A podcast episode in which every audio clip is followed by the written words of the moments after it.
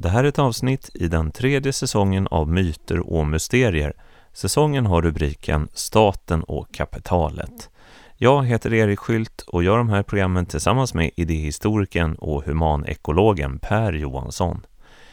Hela den nya säsongen har finansierats med hjälp av crowdfunding. Innan vi drar igång dagens program skulle vi därför vilja rikta ett stort tack till alla er som trodde på vår idé och valde att stötta oss. Vi är er evigt tacksamma. Vi vill också passa på att rikta ett särskilt tack till Hans Bolin på Atlas Balans som tillhandahåller lösningar och maskiner för behandling av fascia på människor och djur.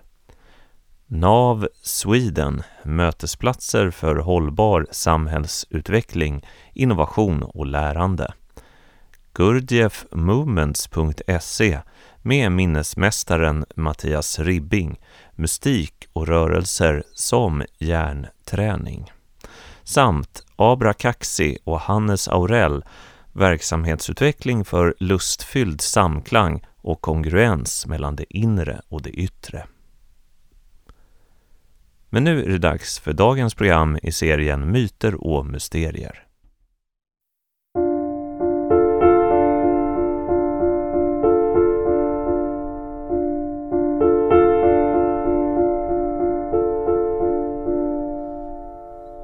Vi använder det varje dag, varje timme, ibland varje minut.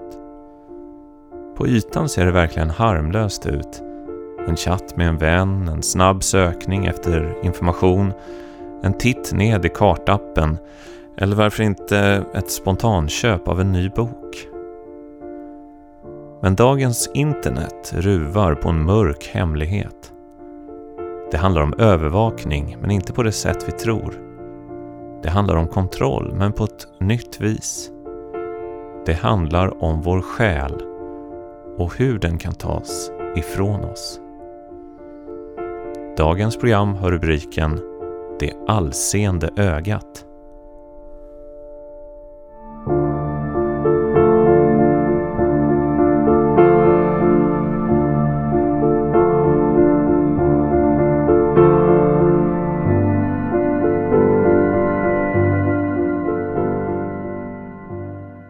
Förra programmet slutade vi med att säga att nu ska vi göra det ännu mörkare.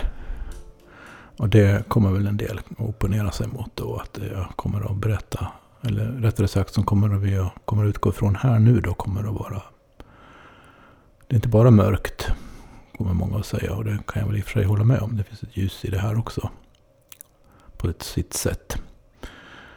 Det problematiska med det här är att det hittills har varit tills relativt nyligen har varit verkat mest ljust, positivt. Bra grejer alltså.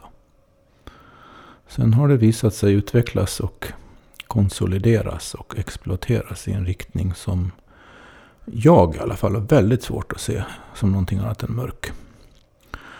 På ett fruktansvärt listigt och hänsynslöst sätt listigt och hänsynslöst då på ett sätt som avviker från tidigare kapitalistiska expansioners list och hänsynslöshet på det sättet att det inte är ett dugg våldsamt. Utan tvärtom omgivet av någon sorts vänlighet närmast. I, i sina yttre, vad ska vi säga, man skulle kunna säga förvanskande uttryck. Som når en. Eh, jag tänkte helt enkelt då att vi tar avstamp i en, en eh, väldigt omtalad bok. Redan väldigt omtalad bok som kommit ut i, tidigare i år. Som heter The Age of Surveillance Capitalism av den amerikanska forskaren Shoshana Zuboff. Eh, jag tänkte, det finns jättemycket man skulle kunna säga. Det är en jättetjock bok. Väldigt innehållsrik. Och det finns mycket man skulle kunna säga. Kan du bara hjälpa den. till att uh, översätta den uh, titeln? Ja. The Age of Surveillance Capitalism betyder då alltså övervakningskapitalismens tidsålder.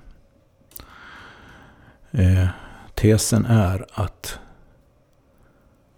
kapitalismens råvara idag är sådant som kräver en massiv och ökande, i brist på bättre ord kan vi kalla det just övervakning av vad vi har för oss om dagarna. Eh, utan att vi märker det egentligen, det mesta av det.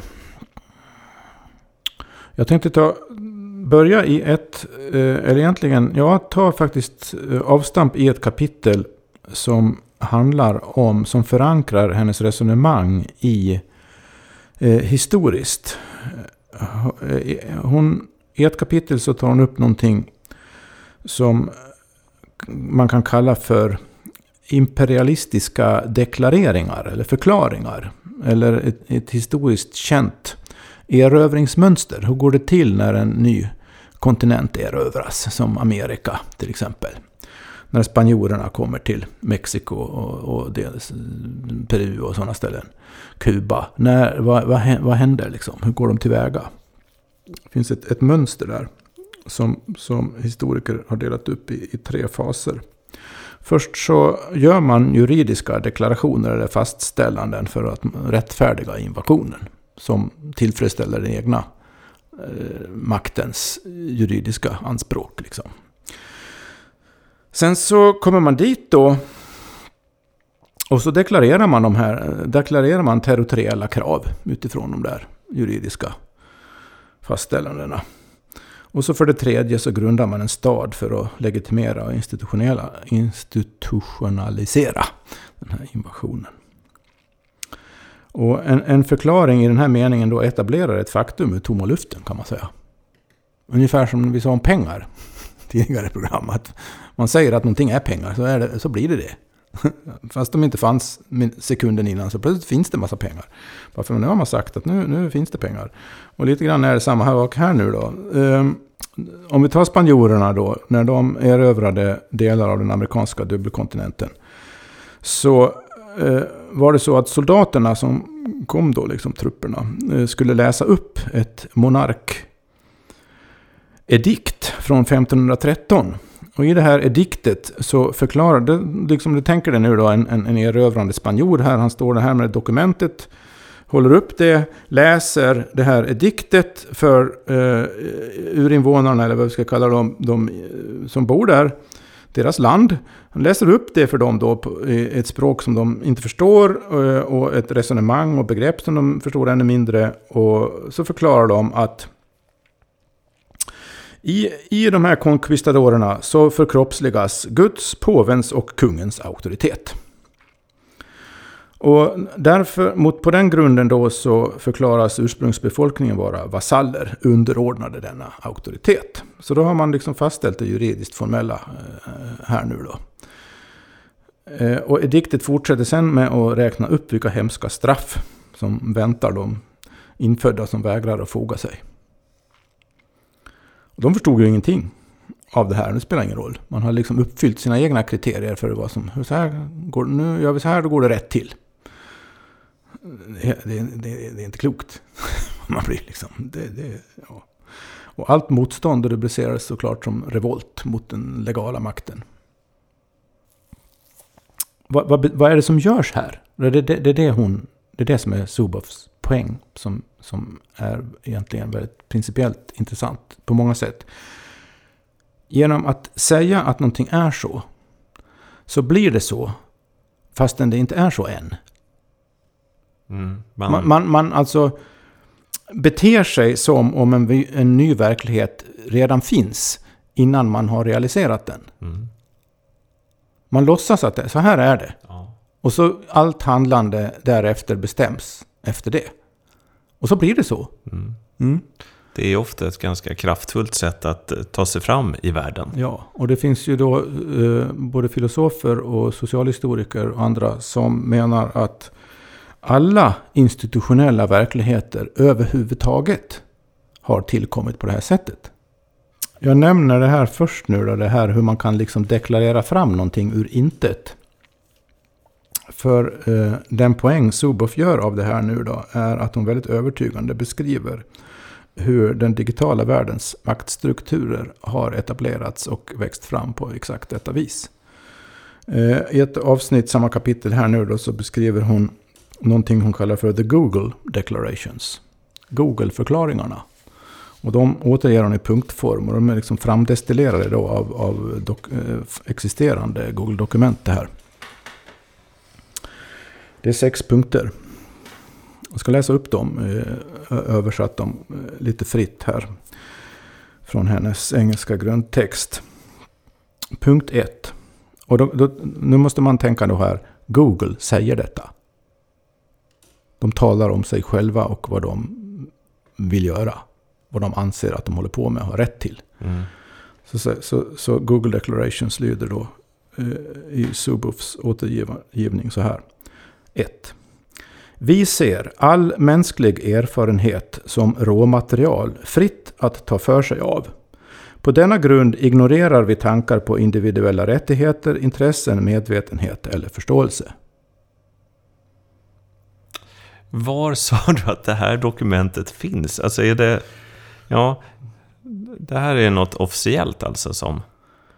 Eh, ja, det är som sagt framdestillerat av, av, av policydokument och no, någonting. Jag kommer till det, var man kan hitta det här sen då. Eh, ja. i, i, i, uttryckt i fikonspråk. Det här är ju klartext då. Ja, okej. Okay. Ja, mm. ja. Så det, det, är inte, det är inte totalt ordagrant? Eh, nej, här, nej, nej det här är Subovs destillat. Ja, okay. Men i den här ja. tjocka boken då mm. så visar hon med all önskvärd tydlighet att det här är inget, hon har hittat på. Mm, utan det här är nej. exakt så som man resonerar. Right.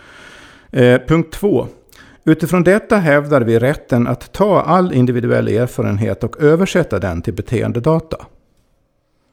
Vi kan gå igenom de här en gång till sen och förklara lite mer vad som ligger bakom. Punkt 3.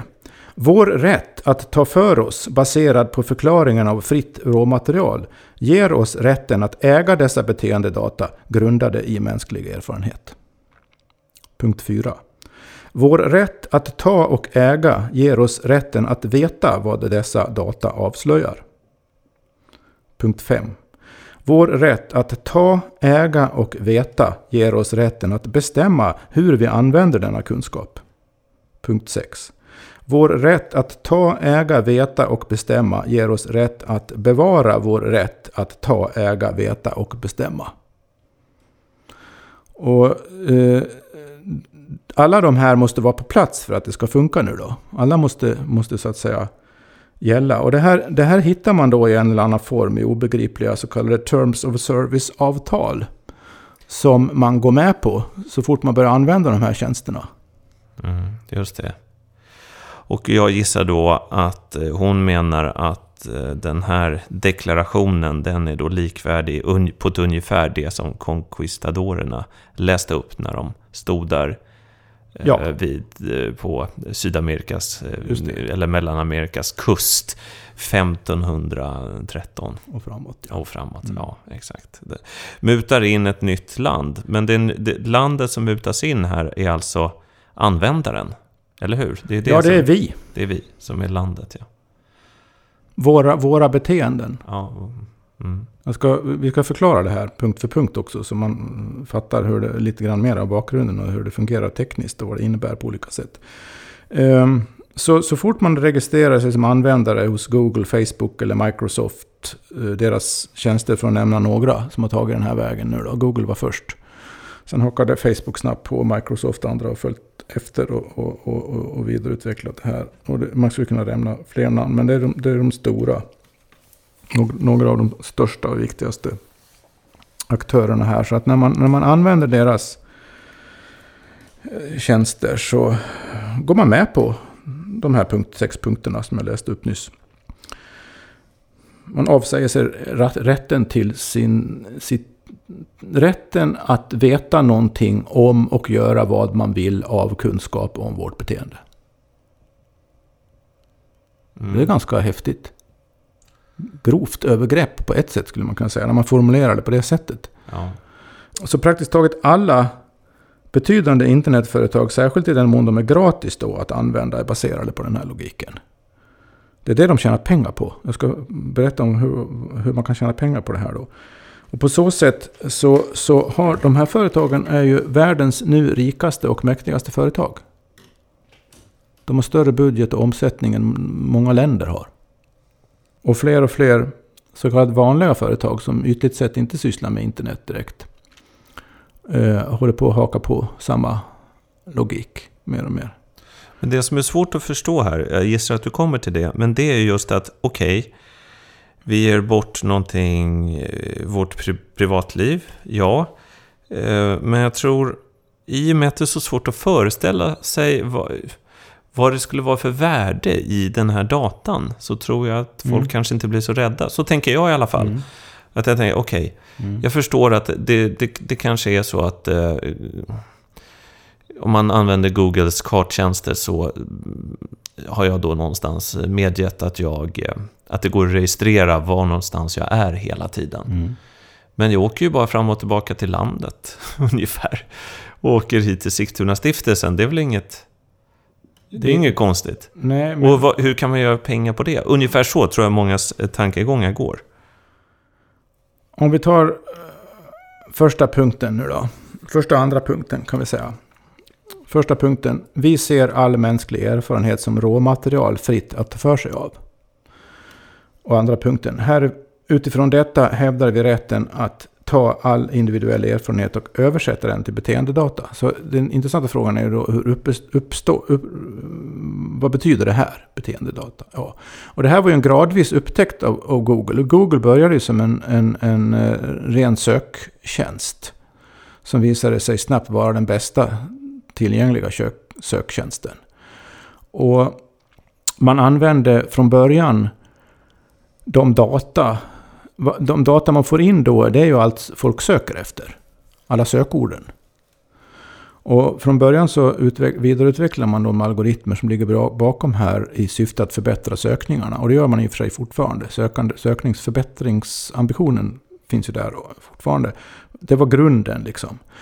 Sen, Sen insåg man så småningom att man på köpet fick man en massa andra data. Nämligen var den som bor... Var bor den som söker det och det? Eh, hur gammal är den som söker det och det? Eh, eh, om man korrelerar alla möjliga sökningar mellan eh, på, liksom, som folk söker inom olika områden vid olika tidpunkter på året eller på dygnet. Eh, allt det här genererar någonting som kallas för metadata. Alltså inte själva sökdata i sig, utan en massa data om tidpunkter och annat som följer med på köpet. Och det där från början hade man liksom, tyckte man inte, hade man ingen användning för det där. Sen kom man plötsligt på att, vänta nu här, det är kanske här det verkliga värdet ligger. Det, för, för att vad som uppenbaras när det här börjar förfinas på allvar är att det går att urskilja väldigt detaljerade mönster. Sociala beteendemönster. Alltså aggregerade beteendemönster hos många människor. Men det går också att, att, att förfina så att man kan gå ända ner på individnivå. Först har man använt det här då för att det här är då den första bakgrunden till eh, det man eh, främst och först tjänat pengar på, nämligen annonserna, riktade annonser. Mm. Som är grundad på på den här datan då. Så att Precis, man, det, det, det, det, känner nog många igen. Att man har, man har googlat någonting och sen så får man en annons ett dygn senare på en bok om det man har googlat på. Ja, ungefär. Och man, precis. Ja. Och, och beroende på då hur, hur mycket data man har genererat i olika sökningar man har gjort och hur mycket det, hur mycket det i sin tur kan korreleras med andra som söker på eh, samma IP-adress eller i samma geografiska område och så vidare. Så kan man, summan av det där kan då utvärderas av vad som med tiden har blivit allt, allt kraftfullare, så kallade artificiell intelligent program.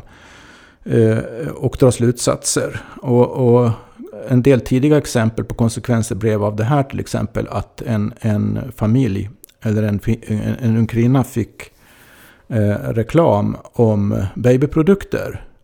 Innan hon ens själv visste att hon var gravid.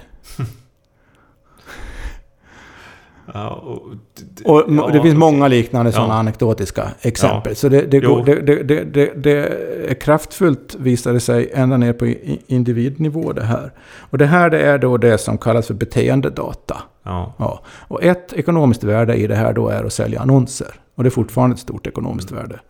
Men det som genererar det här som Zuboff, Zuboff kallar uh, surveillance capitalism är framförallt handeln med själva metadata i sig till olika eh, intressenter. i det hela. Inte bara i annonssyfte då, utan eh, man, man, kan sälja det till andra företag som vill veta vad, vad, folk är intresserade av och bryr sig om och strävar efter och drömmer om och så vidare. Allt från företag till egentligen också myndigheter, vem som helst som kan betala, vill betala. Just det. Och det är ju ett jättespännande då eh, material man får fram för att i och med att människor lever så intimt eh, kopplade till nätet så, så vet man vad folk går och tänker på. Ja. Ungefär. Ja. ja. Men eh, än så länge så tycker jag ändå att det låter lite oskyldigt. Jag, jag gissar att det finns någon typ av... Ja, det börjar... Eh, man, man måste... Problemet här att det är, vi har ingen, och det här poängterar Suboff också med rätta, menar jag. Vi har ingen naturlig erfarenhetsbakgrund alls. För att kunna förstå hur det här egentligen funkar. Det är höggradigt tekniskt. Det hela. Och vi förstår, vi kan förstå kanske att data samlas in. Vi förstår inte vad stora datamängder korrelerade på vissa sätt kan i sin tur generera för sorts kunskap. Förstår, det i sig är ju ofta affärshemligheter också, det här exakt hur det här går till. Och Google har ju gått tillväga så då, man skulle kunna ta Suboff ger många exempel på det här hur man i praktiken går tillväga. För att mycket av det här är ju egentligen enligt normal, moral, normala vad ska vi säga, etiska föreställningar om hur saker och ting får gå till. Och även ibland rent juridiskt olagligt att göra. Eh, och då har, då har Google och andra av de här aktörerna, deras strategi varit att man frågar inte om lov. Man bara gör det och så ser man vad som händer. Och stöter man på patrull någonstans att någon, det blir protester på något sätt. Eh, till exempel, eh, det finns många välkända exempel på det där. Till exempel eh, den här, det som ligger bakom Google Street View. När man kan se massa gator överallt i världen. Just det. Precis. Det, det stötte ju på väldig kritik på vissa ställen, i Tyskland bland annat så, så blev det protester och man försökte liksom olagligt förklara det där på olika sätt. Och, och då, då backar Google lite grann. Och säger att ja, men det där det var inte riktigt meningen. Eh, vi, vi menar inte så. Och, och framställer det som, som någon sorts oskyldigt över, övertramp egentligen. Och sen nöjer sig många med det då och tycker att ja, jag vad bra. De fattar att det här var kanske lite olämpligt. Men på insidan bryr man sig inte ett dugg om det där utan man bara tar hjälp av de motsignaler man har fått och så förfinar man det hela ytterligare. Och, och, och gå vidare till nästa steg. Det där, jag ska inte gå igenom det, men Subuf går det, detaljerat igenom där vad de olika strategiska stegen här är som innebär att man bara, att, som gör den här liknelsen om ockupation så träffande. Att man erövrar det ena området efter det andra och det är ingen som riktigt kan göra någonting åt det. Och man ligger hela tiden långt, långt före den faktiska lagstiftningen. Och man, man, de här företagen också har de största och mäktigaste och mest välfinansierade lobbyorganisationerna i olika politiska sammanhang som finns. Både i amerikanska kongressen och, och senaten och i EU-parlamentet och överallt. Det finns inga som, som har så mycket muskler när det gäller lobbying för att påverka politik och lagstiftning som de här företagen. Men, men där vi är nu då, i, i vad vi vet om allt det här, är det att det här är då ett potentiellt övervakningssamhälle, att det här skulle kunna missbrukas? Eller finns det tecken på att det missbrukas? Ja, det, alltså den, en av de första misstankar som dök upp hos folk som var lite insatta i det här, ja men äh, amerikan, om vi tar amerikanska underrättelsetjänsten, måste ju vara väldigt intresserade av det här. CIA eh, Homeland Service och så vidare, NSA. Och, och, det har ju visat sig att, att sådana samarbeten finns. Har ju avslöjats efterhand. Så det hör ju till en del av, vad ska vi säga, kunderna här då. Kan man föreställa sig. Ja. Eller vad vi ska kalla det. Eller om det är samarbeten på andra vis. Men det är ju intressant just när det sker ett teknikskifte. För att saker som personlig integritet och övervakning är ju någonting som staten, i alla fall i Sverige, den horisont jag har, har varit, man har varit väldigt försiktig. Ja. Så fort det ska sättas upp en övervakningskamera så har det varit en stor debatt och så har man ibland, och till slut så blev det en övervakningskamera på Sergels torg i Stockholm för att det var så mycket droghandel och sådär. Men, men eh, det var ju stora beslut och svåra beslut. Men det här sker ju då lite i skymundan. Ja, det sker. Det är privata företag som ingen, ingen myndighet har någon insyn i. Och, och, och, så mycket av övervakningsdebatten, precis som du säger, har, har ända fram tills nyligen varit väldigt fokuserat på staters övervakning. Mm. Och det har historiska skäl. Med lätta att, att förstå. Ja. Men, men relativt lite fram till, det är därför det här än så har blivit en sån omdiskuterad och, och genombrottsbok när det gäller det här. För hon dokumenterar så väldigt detaljerat och övertygande hur den här nya sortens kapitalism fungerar. Ja, just det på, på rena övervakningspremisser. Som en stat skulle ägna sig åt det så skulle alla baxna. Det skulle vara demonstrationer och alla skulle bli alldeles galna. Ja. Och, och, och, anledningen till att det inte händer är ju att de har sådana fantastiska tjänster som det hela baseras på. Som alla använder och har blivit mer eller mindre beroende av att använda. Just det, men i grunden skulle du kunna säga att det här är då FRA-lagen gånger 10? Ja, den ja. debatten ja. Mm. Visst. Och, det, och grejen, det är också det ingår i den här, här jämförelsen med de här imperialistiska deklarationerna. Erövringsdeklarationerna. Erövringsstegen, steg för steg. När vi börjar upptäcka avsidorna med det här nu i mer eller mindre gemene man, mycket tack vare Suboff och andra som har studerat det här, då har det redan hänt. Allt det här har redan skett och etablerats i stor skala och finns där och går inte att bli av med utan vidare förrän längre. Nej, det är redan eh, etablerad infrastruktur. Ja, så vi som är införingarna här nu då, liksom, det, det spelar ingen roll vad vi tycker. Men du sa ju att det var i olika steg här. Har vi ja. inte bara kommit till första steget ja, i av eh, kol, kolonisane, nej, kolonialisation? Det är ett svårt ord. Eh, vi har bara kommit till första steget. Ja, nej men det, hon, hon har, det är flera steg, man kan säga att det är tre huvudsteg. Steg ett är att etablera det här överhuvudtaget och få det att funka. Mm. Steg, steg två är att börja tjäna pengar på det på allvar. Och då kommer annonserna först, eh, som grundas på metadata. Men sen upptäcker man att metadata har eh, ännu fler andra värden som, som inte nödvändigtvis syns i några annonser överhuvudtaget. Eh, utan används på andra sätt. Också som regel för att sälja saker i och med att det handlar om, om, om, om affärsverksamhet det här och tjäna pengar. Så, så i, direkt eller indirekt så handlar det som regel mest om att sälja saker och, och ting. Men st det sista steget här nu då, det är, och det är då det börjar bli sinistert på allvar. Det är för att vad är, vad är all kapitalisms grundläggande ambition? Egentligen? Alltså investerarnas, finansiärernas högsta önskan. Det är... Maximal vinst? Ja, inte bara det. Utan också trygg vinst. Ja. Förutsägbarhet. Aha. Mm. Risk, så riskfritt som möjligt. De här aktörerna är väldigt bra på att uppmuntra alla möjliga andra att ta hur mycket risker som helst. Men själva är de väldigt ointresserade av att ta några risker egentligen. Så, så ju, ju tryggare investeringar desto bättre är liksom ett mål. Va? Väldigt grundläggande mål. Och med den här tekniken, och det här är Subovs kusligaste argument. Med den här tekniken kan man inte bara samla in data om hur det hittills har varit och hur folk hittills betett sig och just nu beter sig och önskar och drömmer och strävar efter och debatterar och tycker och så vidare. Utan man kan också börja manipulera exakt det. Man kan börja styra vad folk ska gå, vart de ska åka, vad de ska tycka Aha. och så vidare. Mm. Och det har vi dykt upp i nyhetsrapporteringen. En del exempel på det här i samband med Trump-valet till exempel.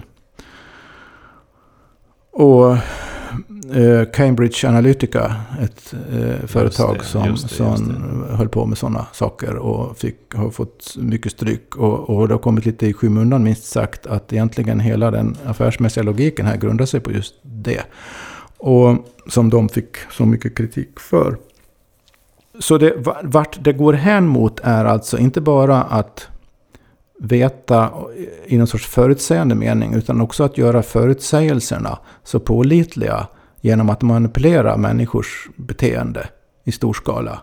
Så att de blir statistiskt sett mycket säkrare hur det kommer att bli. Och då vet man ju var investeringarna ska gå.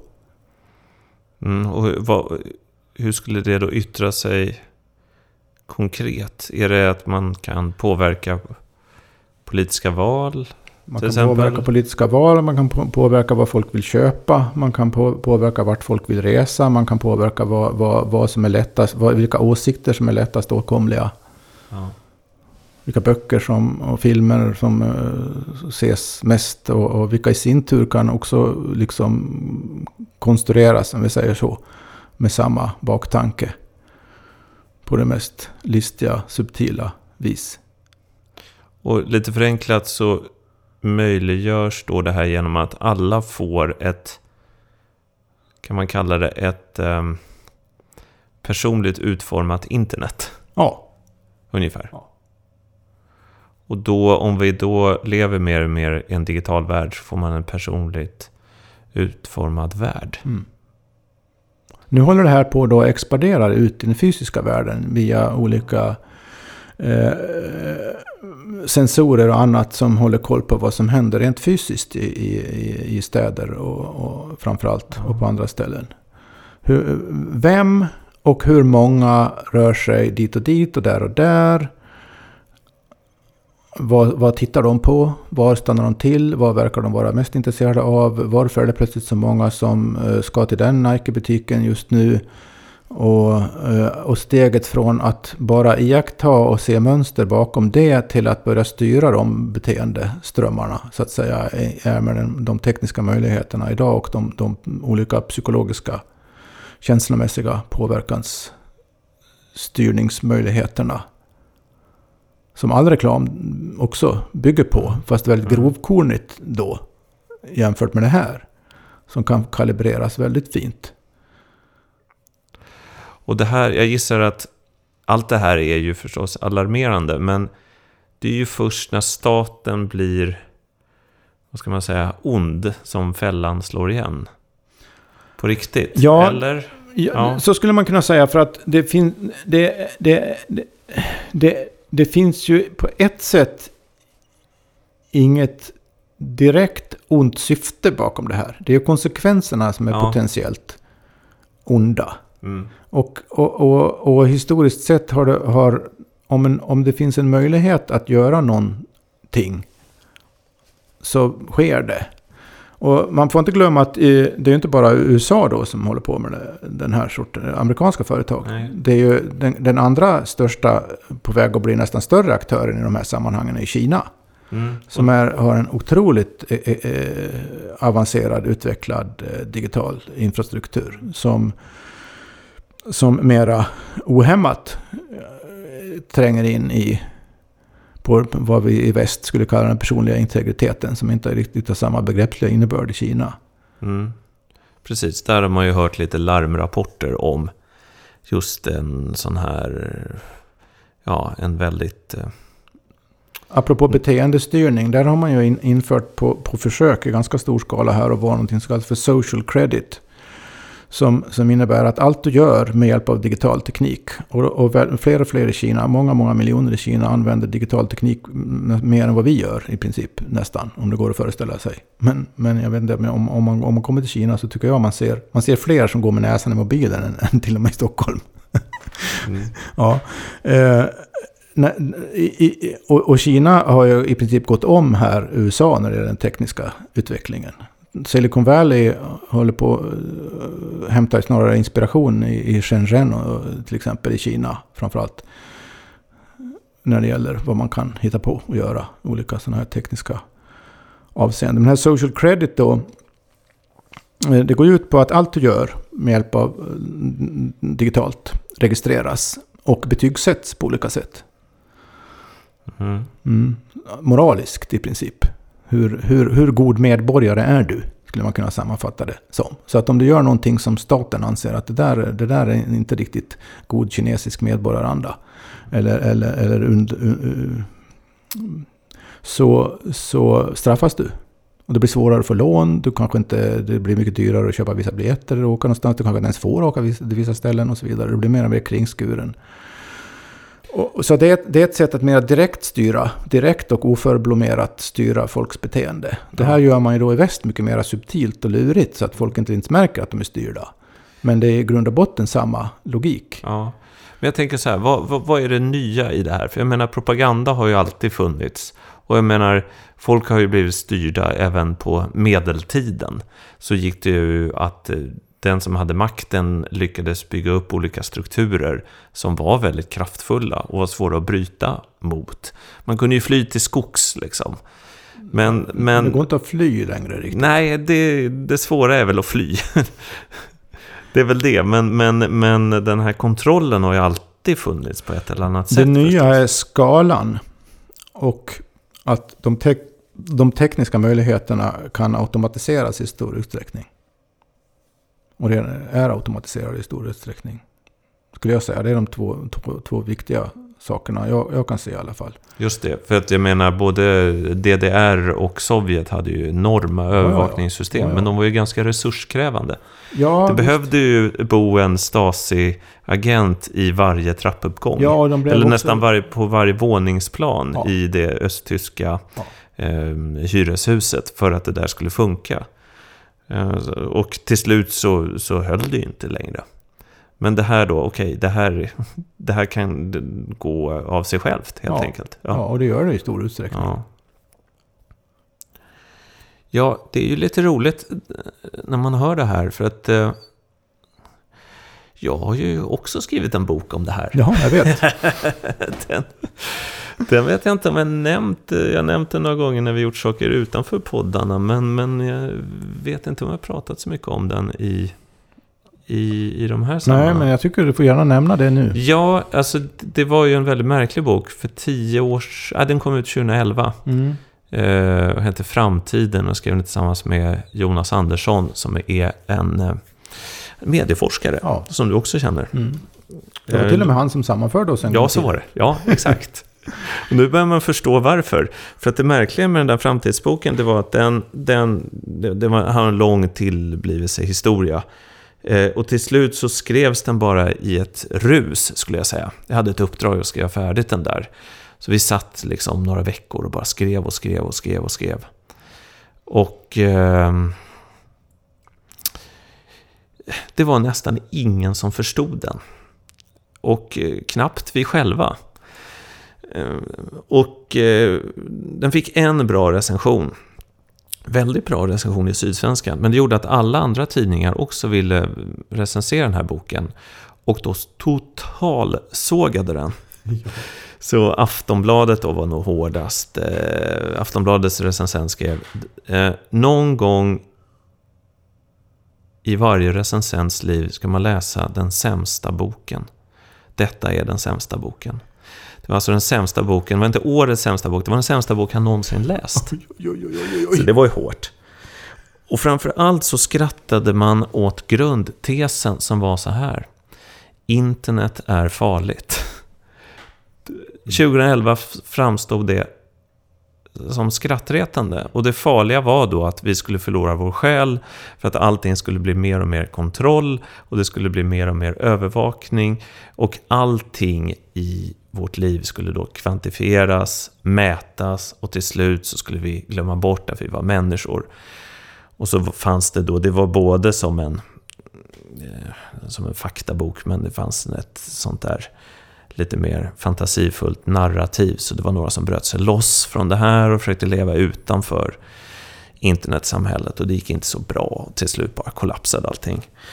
Och jag har inte tänkt på den här boken så mycket, för det var så jobbigt att få så dåliga recensioner. Så jag tänkte att den här får jag glömma bort bara.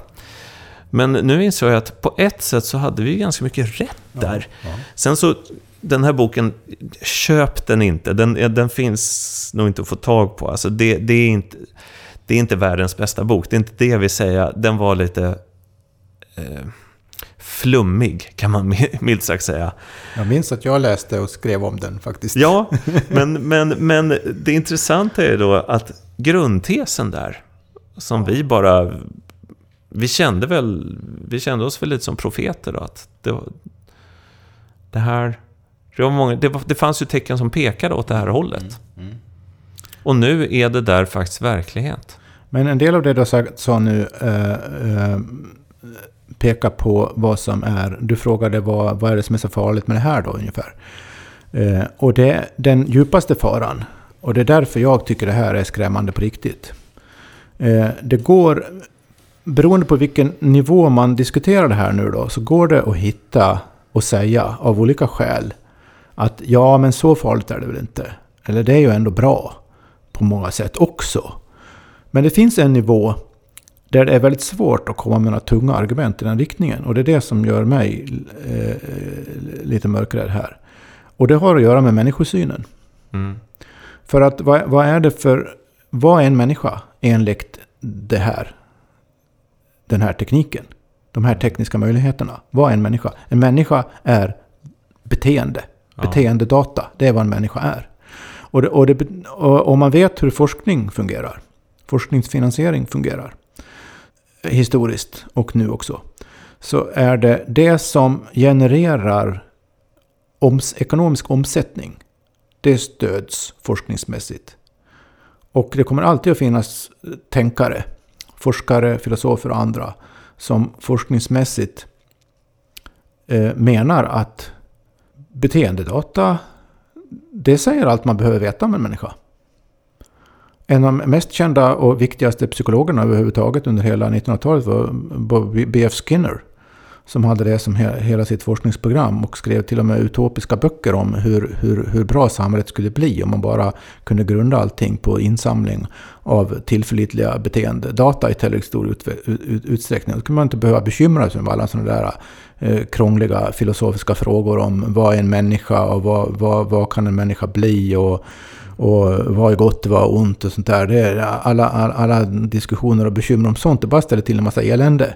Så man, om man bara skulle grunda samhället på, på, på objektiva, så kallat objektiva data om hur vi beter oss, då skulle man kunna åstadkomma ideala samhällen, Skinners tes. Mm. Och det är ingen slump då att, att, att, att Zuboff i den här boken använder just Skinners eh, teser som, som en historisk bakgrund till hela den här tekniska utvecklingen. Ja. Och det har hon rätt i. Och hon, hon, har, hon har, har känt och haft Skinner som lärare själv också. Så det finns till och med sådana kopplingar som gör det intressant. Mm. Ja, men jag, jag håller med. Det, det, det, är den här sista fasen som, som skrämmer mig. De andra stegen i det här förstår jag är alarmerande. Eh, jag sympatiserar med kritiken. Men, men eh, det är det här sista som, som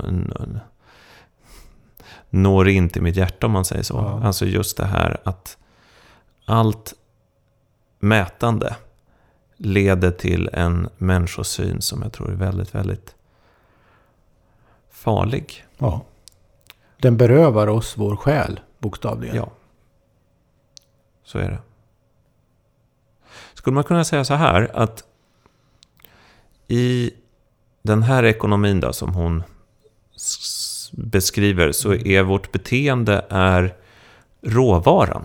Ja den typ av data man kan samla in om vårt beteende på det här sättet är råvara. Ja. Och det är väldigt mycket. Ja. Det är alltså kolossalt mycket. Det är så mycket så att det, som jag sa, faktiskt går att förutse vad folk kommer att göra framöver.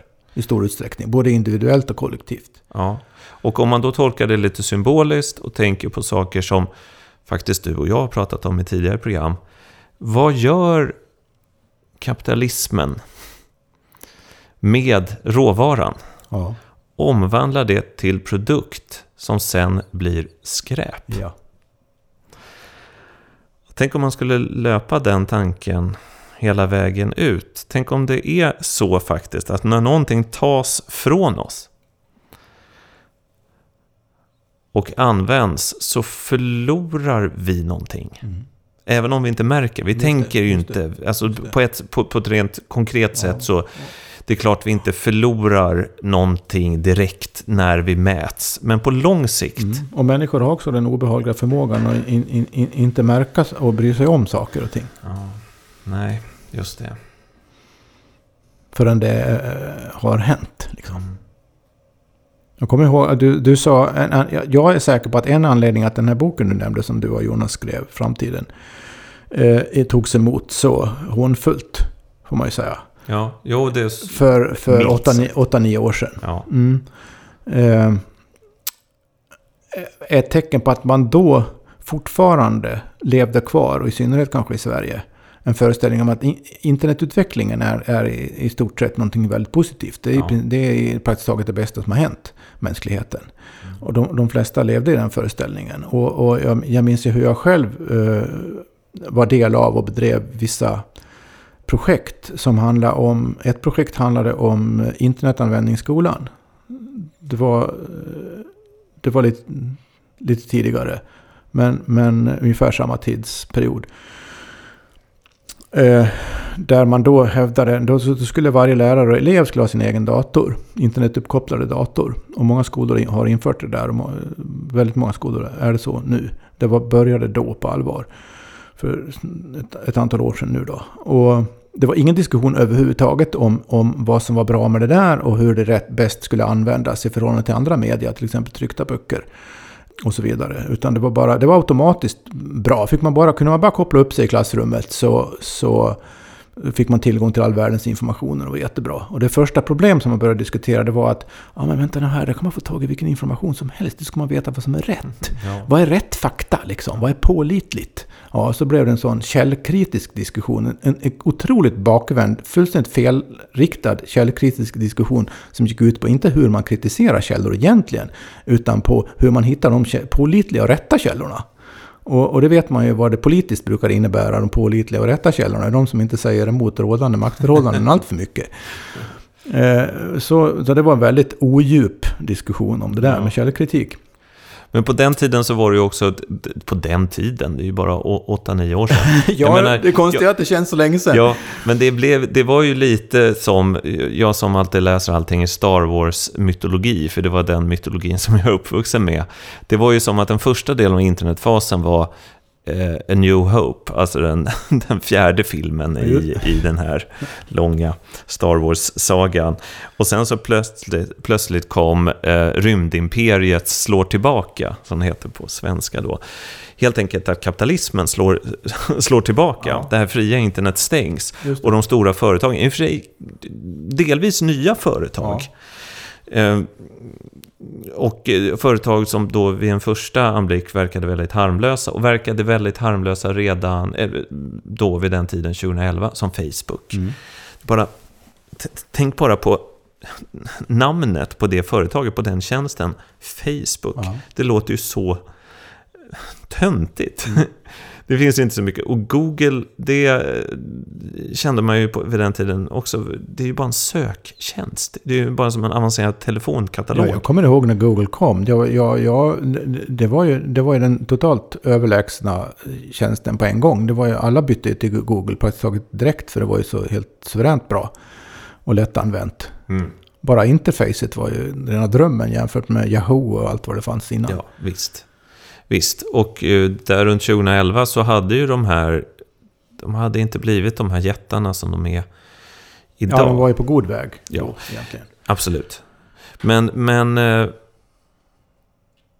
ja, jag, jag, ska verkligen inte sitta och säga att jag hade rätt där 2011 och eh, att jag nu ska vara lite kaxig över det. För att jag, jag släppte faktiskt den här frågan. Mm. Eh, den, den, har inte intresserat mig så mycket eh, sedan dess.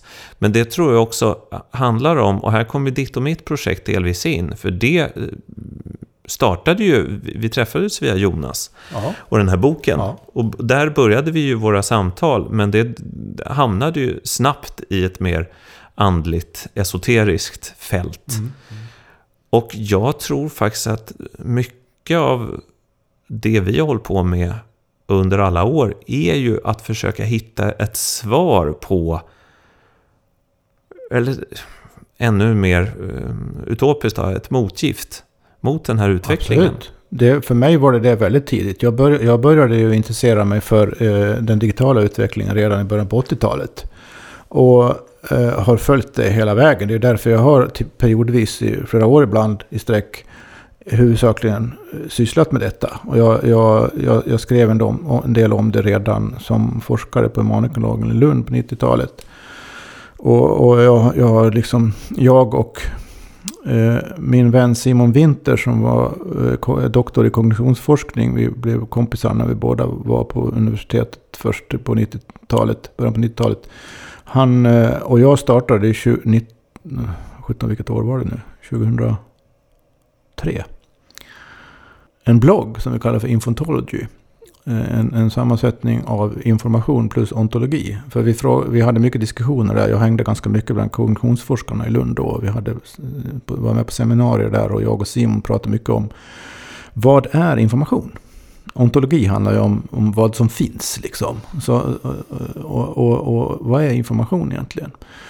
Så därför eh, kallar vi vår blogg för Infontology. Och, och det var en av de första eh, det var en av de första bloggarna, liksom här, om jag vågar säga, seriösa bloggarna i Sverige överhuvudtaget.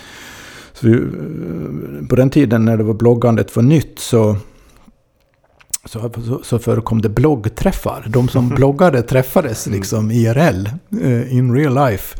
För att, har du också en blogg? Ja, men vad skriver du om? Ja, jag skriver om det. Och liksom själva bloggandet, tekniken och man, hur man skulle gå tillväga och, och hur man nådde folk och hur man nätverkare och allt sånt där. Det var, ja.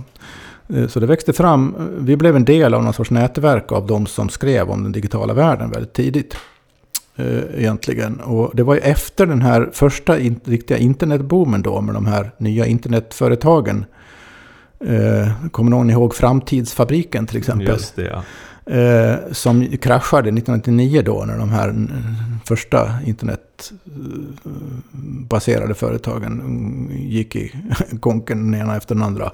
Då, då, tappade ekonomin ett tag under några år där tron på den digitala utvecklingen. Liksom, för att den var inte ekonomi, under ganska länge inte ekonomiskt särskilt lönsam att satsa på. Eh, och det var då, då upphörde också Innan dess fanns en viss diskussion om det här. Vad, vad innebär det här nu då socialt, kulturellt och sådär? Eh, den här digitala utvecklingen. Men den diskussionen dog också. Så det var därför vi startade Infotology. För att vi tänkte, men vänta nu, utvecklingen fortsätter ju. Det här kommer ju att, att fortsätta. Det här kommer ju att ha enormt stor betydelse. Så vi bevakade verkligen detta och skrev mycket. Simon fortsätter fortfarande att skriva om detta. Jag har lite grann tappat bort mitt tidigare väldigt starka intresse för det här. Men för jag har sysslat med så mycket annat. Men vi var, vi var, vi var väldigt tidiga på det där. Och, och, och titta på det där. Det, det som gör mig... Uff. Vi etablerade ett intressant begrepp. Det är, det är mycket jag skulle kunna berätta om det här. Men det är ett intressant begrepp som faktiskt är intressant i vårt sammanhang. För att förstå saker och ting. Nämligen någonting vi kallade för diskuterbarhetshorisonten. Mm. Och, eh, vi hade båda, båda lite olika bakgrund till varför vi tyckte det där var ett kraftfullt begrepp. Min, en del av min bakgrund var att jag hade en kurs på 90-talet på humanekologen. Som, den gick under lite olika namn, men den handlade i princip om civilisationshistoria. Och jag grundade den kursen väldigt mycket på medieutvecklingens betydelse för hur civilisationen fungerar och hur det påverkar tänkande och, och, och sånt. Och bland de första gångerna jag hade den här kursen, det var samtidigt som internet slog igenom på bred front i Sverige. Då vanlig, vanligt folk så att säga började använda internet mer och mer. Och det var jättemycket liksom, diskussioner om det här. Åh, oj, oj, oj, det här kommer att förändra allting. Hur, hur ska det bli liksom 95, 96? Jag kommer ihåg studenterna. Jag tog upp det här på kursen då. Liksom. Jag tyckte också det här var spännande och intressant liksom, när det började sprida sig så i större skala. Um, och det var, det var jätteanimerade diskussioner. Det var någon student som liksom hade någon musikgrupp. De skrev en låt om det där. Eh, till och med. Någonting i stil med eran framtiden-bok. som låt. Ja, och, och, och det, var, eh, det, det, var väldigt spännande att ha diskussioner med studenterna där två, tre år ungefär. Sen hände något lika intressant. Eh, fast lite förskräckande då, på ett sätt. För jag hade den kursen i många år. Eh, den... Plötsligt från en termin till en annan. Så det som hade väckt animerade diskussioner, engagemang, farhågor, förhoppningar, allt möjligt. Bara dog. Och ingen som var, var totalt ointresse för att diskutera det överhuvudtaget. Man kunde lika gärna ha, ha försökt göra något spännande av elnätet eller vattenledningssystemet eller någonting. För då, då hade det redan efter bara några år blivit helt självklart att internet är någonting man använder hela tiden. Det tar man för givet att det finns och så vidare. Och det, det där har bara förstärkts nu med, med smartphones, liksom, när man har internet i fickan var man än är dygnet runt. Okej, häng med. Och, och diskuterbarhetshorisonten handlar då om att det är ett väldigt kort fönster när någonting överhuvudtaget går att diskutera i samhället. När någon bryr sig. det Så, när det väl, sen väl har hänt, va? sen är det så är det kört. självklart, ja. Ja, men okej. Häng med nu i mina vilda associationer här Yes. när jag försöker få ihop en del av den tematik som vi har fört upp här i serien så här långt. Du säger att det blev en dipp där efter eh, i början av... Ja, i slutet av 90-talet Ja, man precis, precis. Och det varade länge. Det Ja. varade till och med när ni skrev er bok. Precis, för att man Och hade ett tag till. Skulle man, Tills för kanske bara fyra fem år sedan eller något. skulle man kunna säga så här då? Det var för att man inte hade hittat råvaran än. Det vill säga beteendet.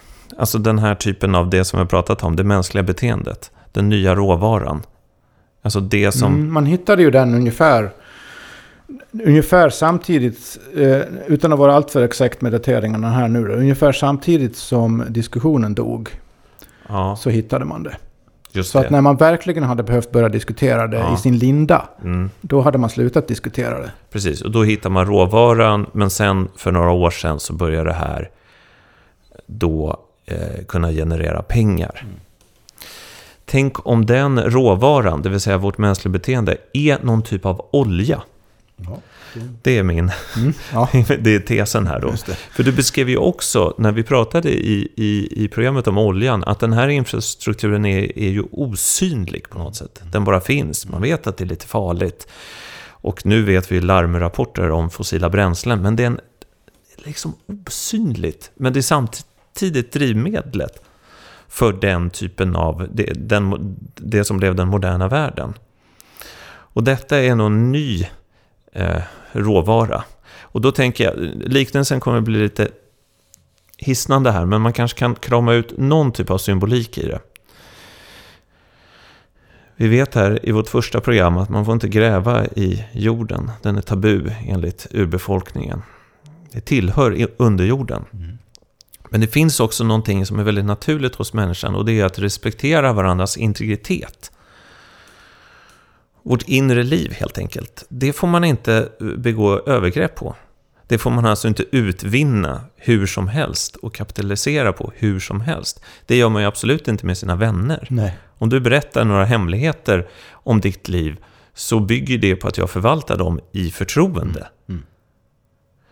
Men här så har vi då en teknik som är helt automatiserad som kommer åt det hemliga. Mm. Och eh, här är vi också bara i början av en sån process i och med att de här sociala medier och hela internetanvändandet blir ju mer närmre och närmre kopplat till någonting väldigt, väldigt privat. Ja, och nästa steg kommer att vara, är redan det som kallas för Internet of Things. Där, där fler och fler saker vi använder hela tiden kopplas upp mot internet det också. Just Och, det. och genererar med andra Mm. ord ännu mer beteendedata. Jag brukar bara för att sätta, försöka belysa hur intimt det här skulle kunna vara. Det är egentligen ingenting som jag tror kommer hända. Men tänk om Facebook skulle offentliggöra alla eh, Facebook-konversationer man har haft med alla människor. Under alla år. Det skulle bara handla. Det, det Du skulle menar vara- typ dina eller? Ja, ja. ja. Mina, Mm. dina, Ja. alla, allas bara ligger ute. ja.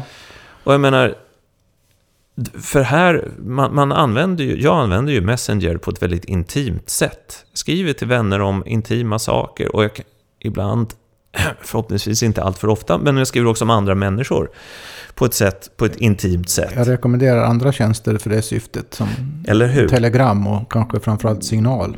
Ja, eller hur? Och det här är bara ett te- tecken på att vi, i alla fall jag, har redan en del av min då intima, privata sfär inuti det här. Och det gör ju mitt inre väldigt sårbart. Absolut. Och då tänker jag då, för att göra den här oljeliknelsen, att det här är någonting som vi inte bör kapitalisera på. Det är liksom fel på något sätt. Ja, det är ju också i grund och botten faktiskt eh, Zubovs eh, etiska argument hela den här boken igenom. Så den utmynnar ju i det. Och, och där, där, av den anledningen utmynnar den i... För hon kritiserar det här hårt. Hon tycker det här, det här förvränger det mänskliga. Det här är någonting sinistert på riktigt. Och det, det har ju då eh, eh folk kritiserat henne för såklart. Som inte riktigt köper hela, den, hela tesen här. Men, men eh, Eh, det utmynnar ju i frågan då vad kan man göra åt det? Och där är hennes bok, måste jag eh, tyvärr säga, ganska tandlös. Den är fast i, i någon sorts egentligen 1800-talsmässigt tänkesätt i grund och botten ändå om hur demokrati fungerar och borde fungera och kan fungera och, och vad det är och sådär som blir lite tandlös. För att det är inte riktigt, det är någon sorts diskrepans där mellan kraften i hennes analys av hur det funkar och hur hon tänker sig vad man skulle kunna göra åt det. Det ska vi inte prata om nu för det blir alldeles för långt där. Men, men eh, eh, det visar ju bara hur svårt det är. Det illustrerar på ett sätt kanske oavsiktligt hennes tes att vi saknar erfarenhet för att utöva någon adekvat urskiljning här egentligen. Mm. Så vi håller på att skaffa oss den erfarenheten nu. Mm. När, när vi har den kollektivt, fler och fler har den och fler och fler tänker djupt på det. Så kommer det förmodligen att generera lite eh, mera kraftfulla mm. motmedel mot de, de mest sinistra möjligheterna här i alla fall. Men det vore intressant att, och det hinner vi inte ta upp idag, men i, det, i kanske nästa program att ändå tala om drivkrafterna. Alltså, det handlar egentligen om begäret. Ja. Det är ju det som den här, allting som har med